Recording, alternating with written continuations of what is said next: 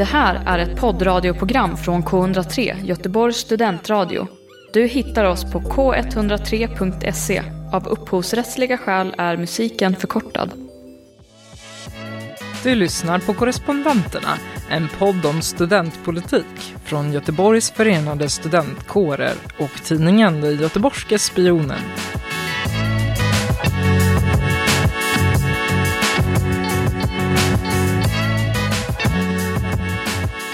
Hej och välkommen till Korrespondenterna, din podd om studentpolitik med mig, Jas Monteano, som är chefredaktör för den webbaserade studenttidningen Göteborgske Spionen och Anton Jonsson som är ordförande för Göteborgs förenade studentkårer, alltså både Göteborgs universitet och Chalmers.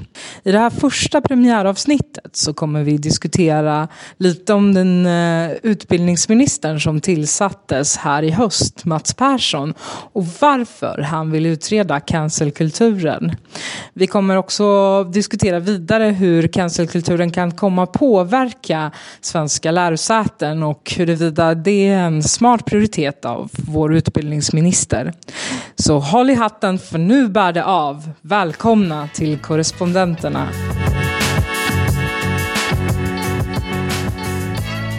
Välkommen hit. Ja, tack så jättemycket. Sitter du bra?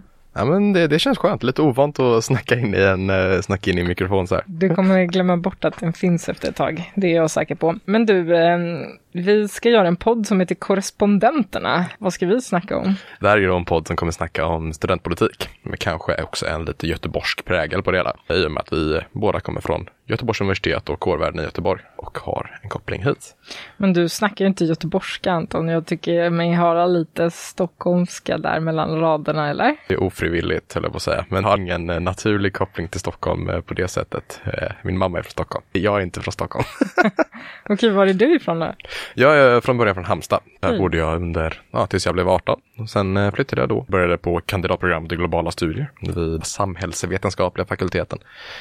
Där pluggade jag då tre år, har tagit ut min kandidat där. Men var är du nu då, idag? Ja, idag. Jag sitter helt som heltidsarvoderad för eh, Göteborgs förenade studentkårer som eh, ordförande.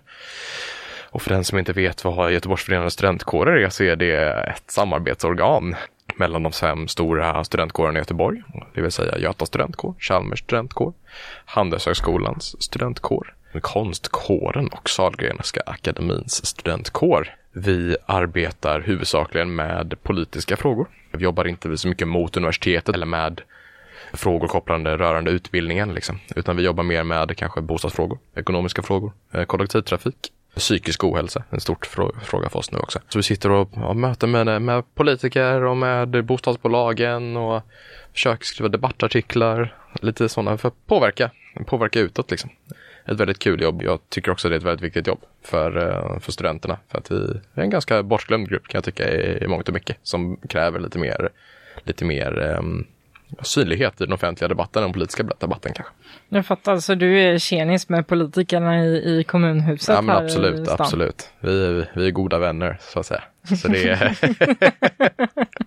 ja, det, det luktar korruption här Anton. Nej, ingen behöver inte vara oroade.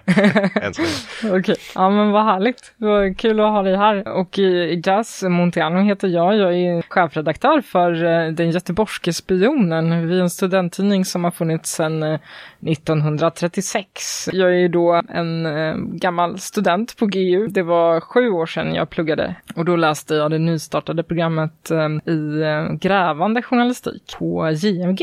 Och och idag så sitter jag ju då på Spionen och vi sitter i, i med studentkårerna då, för det är GUS som är vårt huvudombud, så heter det. Vilket innebär att för de som inte vet, vad, vad är GUS för något? GUS, det är Göteborgs universitets studentkårer, så de representerar ju alla studenter på universitetet genom alla kårer då. Så. Det är Konstkåren, Göta studentkår, Sahlgrenska akademins studentkår och Handelshögskolan numera också. De är ja.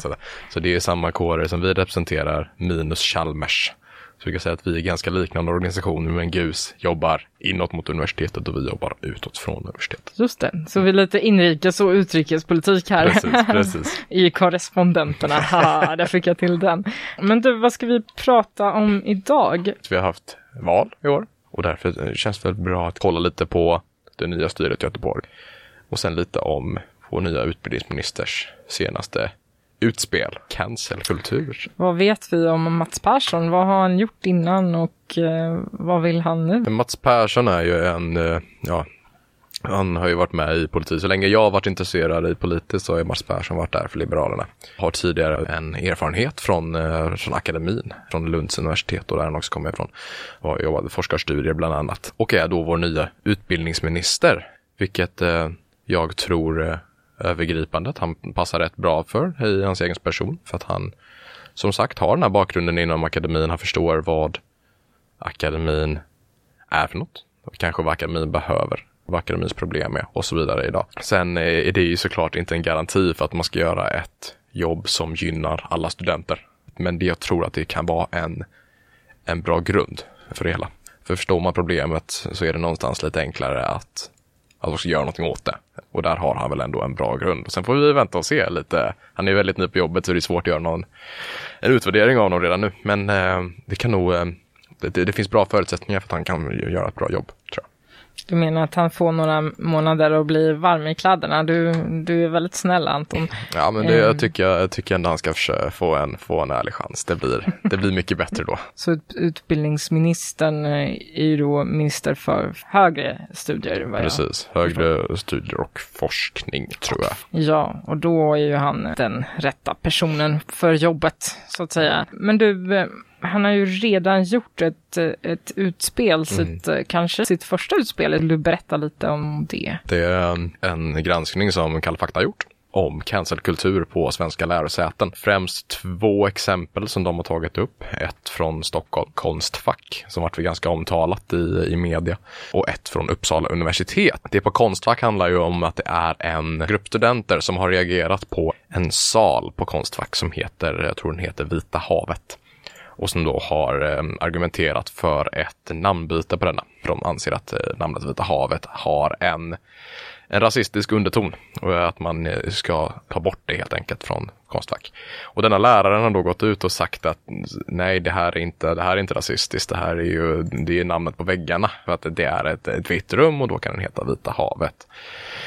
Och då har hon då fått, blivit cancellad helt enkelt. Hon har fått hot och hat som hon själv säger från eh, studenter. Flera av hennes kollegor, rättare sagt 44 stycken kollegor, har gick ut och eh, argumenterade öppet mot henne. Detta ledde sen till att hon då blev sjukskriven tror jag, ganska långt, har på jobbet och så vidare.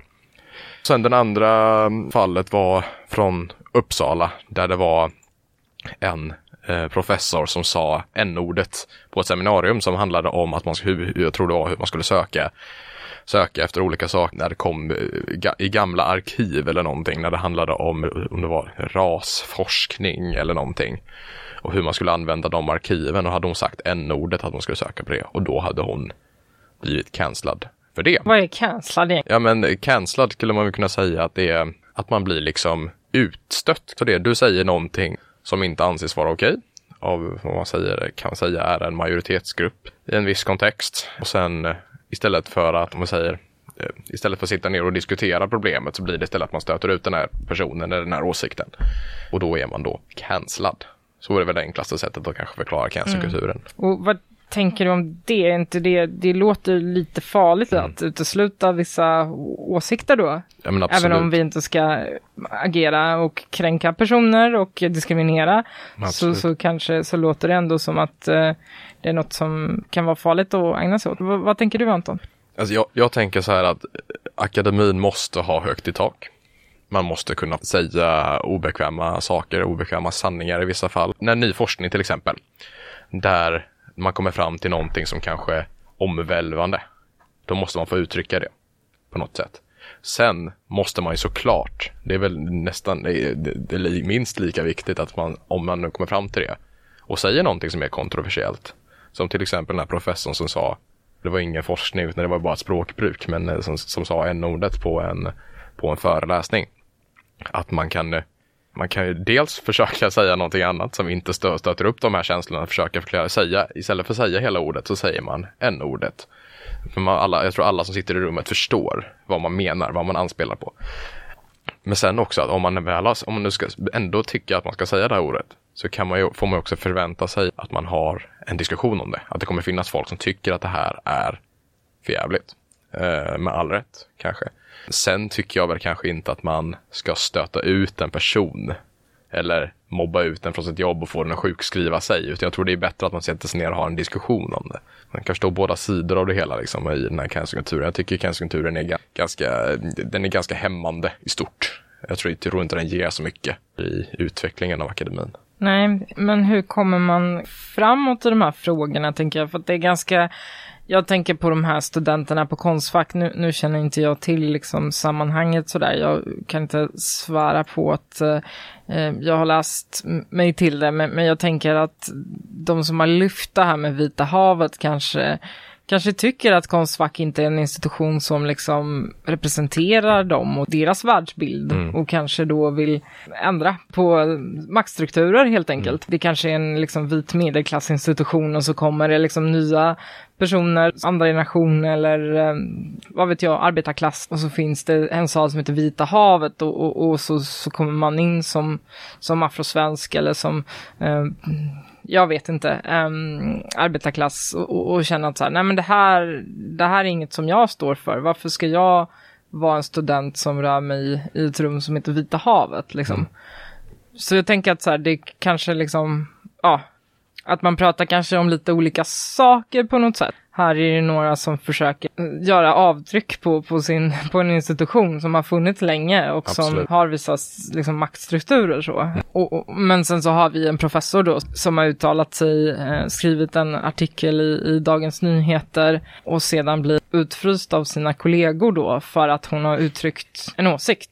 Men det är ju jättesvårt och jag har väl full förståelse för dem som om man kommer och är en minoritet som har varit eh, utsatt för att bli, ha, utsatt för rasism, utstötande under, under väldigt lång tid. Och sen att man, om man uppfattar ett, och så kommer till en institution och uppfattar ett rum som, eh, namnet på ett rum som stötande. Och sen kommer det någon och säger att hur kan ni tänka så? Speciellt när den här eh, kvinnan då inte kommer från en utstött grupp eller en grupp som fått utstå rasism. Då har jag all förståelse för att man kan bli irriterad och eh, att man känner sig förbisedd. Absolut all förståelse för det. Jag tror bara inte att det kanske sättet man ska bemöta det är att stöta ut folk. Jag tror att det är bättre att vi försöker ha diskussionen så att vi i framtiden kan undvika, att, att, att man i framtiden bygger ett, en förståelse. Varför tycker folk att det här rummet kan vara, namnet på det här rummet kan vara stötande? För jag tror det där någonstans i grunden av problematiken just det här ärendet är att den här läraren förstår inte hur det kan vara stötande, det här namnet på rummet. Och jag tror att för, att för att lärare i framtiden ska kunna förstå det i liknande situationer så måste man ha diskussionen. Så ta debatten är lite mer konstruktivt kanske än att, än att cancella folk. Det skulle jag säga i alla fall. Men nu har vi ju en minister som har uppmanat att uh, cancelkulturen ska utredas. Hur utreder man cancelkultur egentligen? Det är en väldigt bra fråga. Han vill utreda hur, hur utbredd cancerkultur är på svenska universitet och lärosäten. Det var väl kanske inte den frågan som jag hade förväntat mig eller kanske velat se först av en utbildningsminister. Det kan bli en jättebra utredning som visar att gud, cancerkultur genomsyrar universiteten eller så visar det att det kanske inte är, det kanske inte är någonting alls. Liksom. Jag har liksom inte arbetat någonting med det här det vi jobbar för varje dag är ju liksom för att studenter ska hitta en bostad. Man ska inte behöva bo- vänta tre, tre år på en bostad liksom, i allmän bostadskö.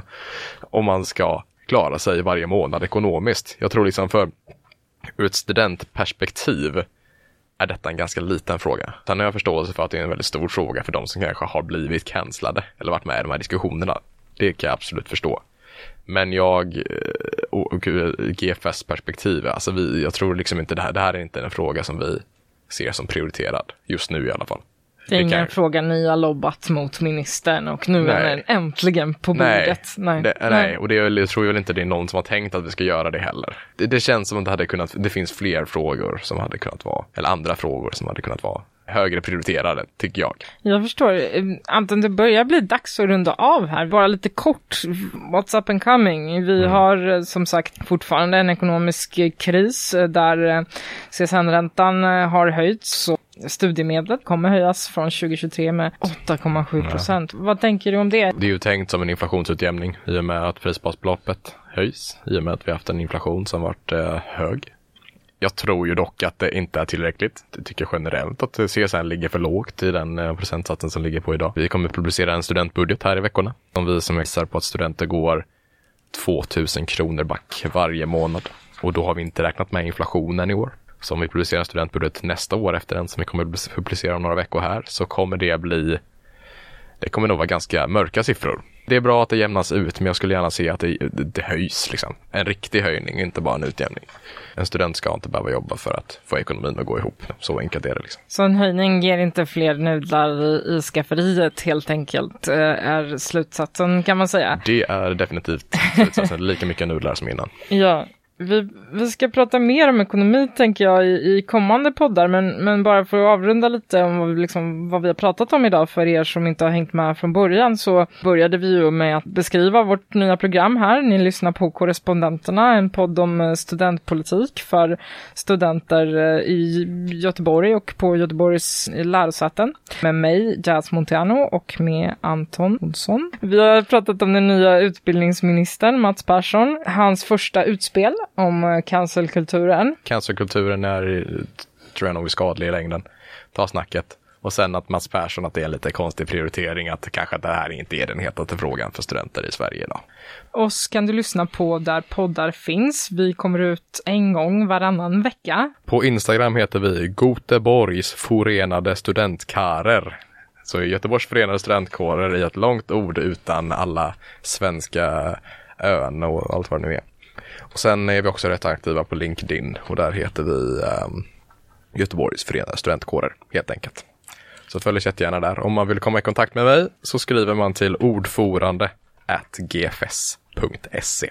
Och eh, mig, Jazz Montiano, når ni på jazzattspionen.se. Ehm, ni kan också mejla in till eh, tips at spionen.se om ni har några tips på något vi borde skriva om. Så vi, ni kan också följa oss på sociala medier. Vi finns på Instagram och vi finns på Facebook. Men eh, för nu, tack för att ni lyssnade. Tack så jättemycket. Vi hörs nästa gång. Det gör vi. Ha det gott.